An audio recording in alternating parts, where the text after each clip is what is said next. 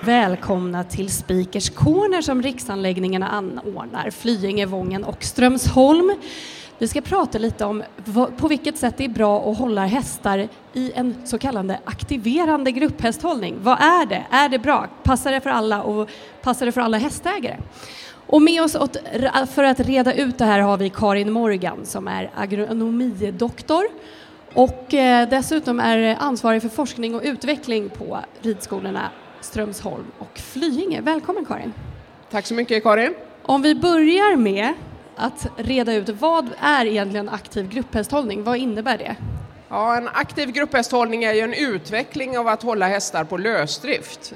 Och ibland får ju lösdrift en dålig klang, att man bara släpper ut hästarna och inte tar hand om dem. Eh, men eh, det beror ju alldeles på den som har lösdriften, hur man sköter den.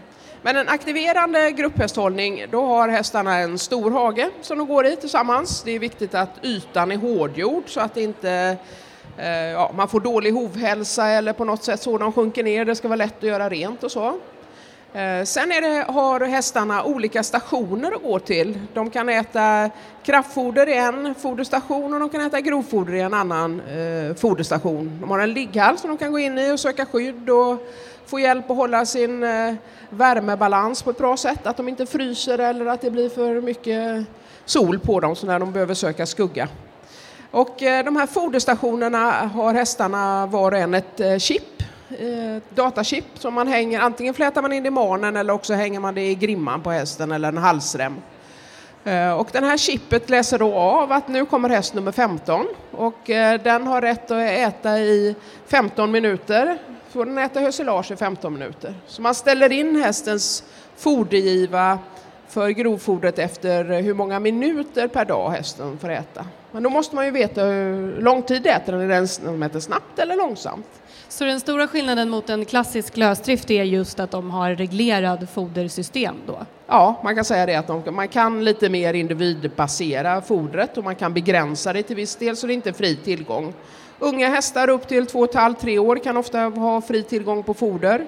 Men kommer du till äldre hästar som är 3-4 år och uppåt så får de fri tillgång så blir de för tjocka och äter för mycket. Om man inte kanske har avelston då som behöver äta mycket. Hur vanligt är det med sådana här anläggningar? Hur många finns det och var? Ja, det började i början av 2000-talet i Tyskland. Utvecklar man det här. Det finns två tillverkare i eh, världen. Det ena heter Active Stable, Hit Active Stable och det andra heter Active Horse. Eh, Active Horse kommer ursprungligen från Österrike och Active Stable från Tyskland. Så nere i Tyskland och Österrike finns det ungefär 500-600 anläggningar idag och i Sverige eh, fanns det 30 35, ja det är ungefär 30 anläggningar när vi byggde för två år sedan och nu har det säkert kommit till några till. Är det bara ridskolor och större verksamheter som har eller är det även privatpersoner som har Active eh, Det är även privatpersoner som har det. Och det är eh, många kanske inackorderingsstall som det här passar bra till. Eh, det utvecklades ursprungligen i Tyskland för de som hade häst. De kanske inte har tid att eh, komma till sin häst varje dag. Man har ett jobb och det är lite, bor lite längre ifrån och så. Kanske man kunde komma till sin häst eh, tre dagar i veckan. Men då visste man att hästen har eh, social kontakt, får gå i sin flock med de andra hästarna. Man vet att hästarna får sin mat och att de får vara ute och röra sig och så. Så att alla de grundläggande behoven var tillgodosedda eh, trots det här. Och I och med att utfodringen är individuell så kan man också ha olika hästar, stora och små eh, ja, hästar. Mycket äldre hästar hittar du i Tyskland. Men om det då styrs av ett datorsystem Vågar man lämna hästen där och tro att det ska funka? Tänk om det blir något strömavbrott eller liknande? Eh, man vågar aldrig lämna sin häst och tro att det ska funka utan hästen ska ju ha daglig tillsyn oavsett vilket system man har den i. Utan eh, den som sköter, eh, stallför, stallchefen som har stallet behöver gå in i datorn och titta varje dag att hästen har ätit upp sin fodermängd. Och har den inte ätit så kan det ju bero på att den blir sjuk på något sätt. Och har den inte ätit så kan det bero på att den har tappat sitt chip, då får den ju ingen mat. Ehm, som vi har det har vi ju fri tillgång på halm faktiskt, så att hästarna alltid ska ha en backup på grovfoder om det skulle vara så. Och dessutom har vi halm i ligghallen och det gör ju att hästarna eh, står ju där och käkar när det är ny fräsch halm och så. Och den, det här systemet finns ju både på Flyinge, Strömsholm och på Vången. Ja. Och ni gör ju på riksanläggningarna alltid hästbesiktningar flera gånger per termin för att se hur hästarna mår. Ser ni någon skillnad på de som går i den här aktiva grupphästhållningen jämfört med de som står på stall? Ja, vi har ju tittat på ett antal eh, parametrar här och man kan säga att de som är lika eh, eller lite bättre, det har ju varit eh, vi har lite friskare hästar har vi haft. Det kan ju bero på också vilka hästar vi har valt att sätta ut i. Men de har ett lite bättre hälsoläge i grupphästhållningen. Och vi ser att de har samma muskulatur. Eh, hästarnas arbete bedöms av ridlärarna vara lika. Det är ingen skillnad om man är på box eller inte. Eh, de har faktiskt lite högre hull. Vi har väl kanske inte vågat dra ner ättiderna så mycket som man skulle kunna göra. Eh, men det som är lite svårt det är ju det här med hästarnas skick. Det är lite svårt att hålla dem lika blanka och fina kanske och inte få några bitskador i pälsen och sådär. Så att det är lite svårare och speciellt på de yngre hästarna att hålla dem i samma skick. Och hovstatusen, vi får skor dem väldigt ofta. Det beror antagligen på underlaget. En del har ju sån här grupphästhållning och skor dem var sjätte, åttonde vecka, men vi skor faktiskt var, lägger, lägger om skorna var tredje vecka och byter skor var sjätte vecka. Så det är en hög kostnad. Mm. Stor del av våran, eller en tredjedel är stenläggning för att det skulle vara lättare att hålla rent. Men det har ju varit halt och det har slitit skorna mycket så där har vi grusat nu. Och den här stenläggningen, vad innebär det för hästens leder och senor och så vidare att de ska gå på så hårt underlag? Ja, det bästa för hästen är ju att gå på ett varierande underlag.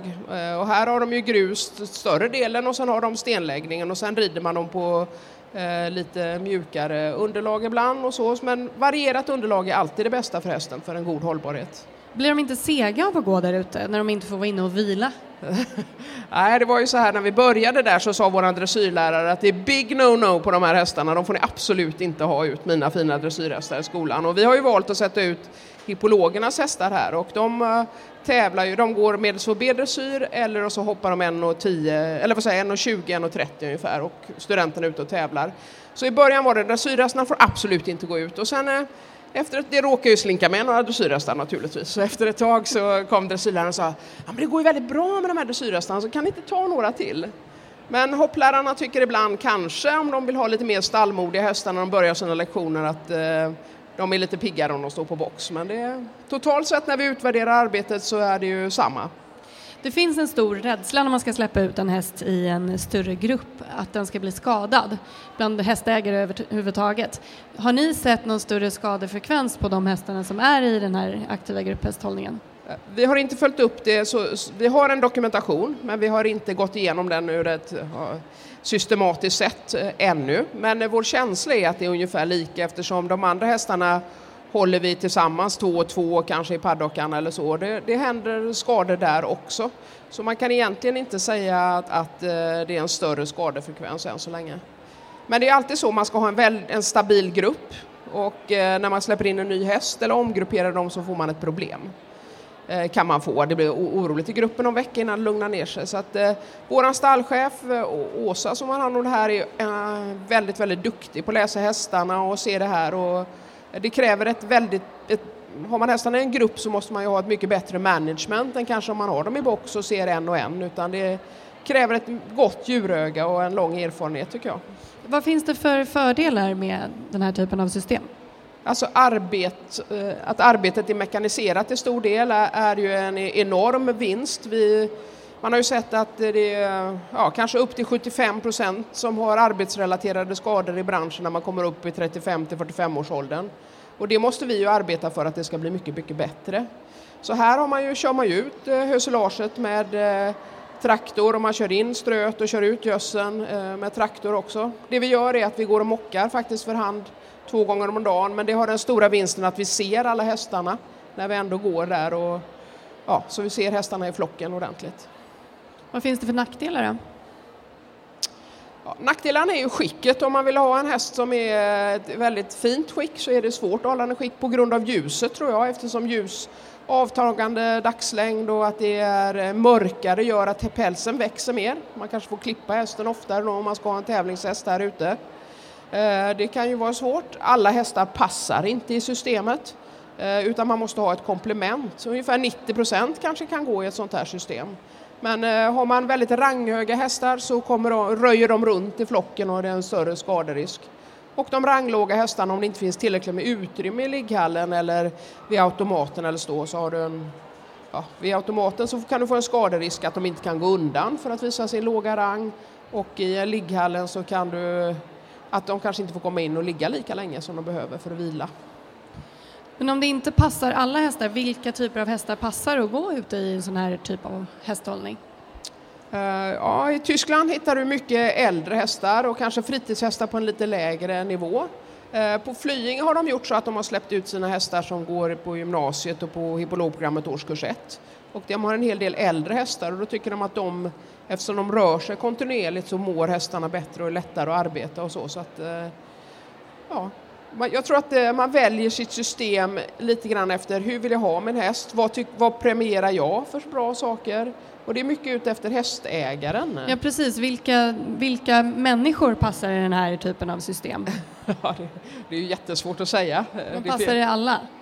Passar inte alla, nej det tror jag inte. Det, alltså, Eh, Eh, vill man ha sin häst in, liksom stå och glänsa in i boxen och tycker att det är trevligt, då, då blir det inte detta bra. Men känner man att man vill eh, att hästen ska ha ett, ett, socialt liv och kunna röra sig och vara ute mycket och, och kanske det här eh, Ja, på en ridskola kan det vara väldigt bra för hästarna att bli lugna och tryggare och säkrare på ridskolan. De är vana att gå i flock.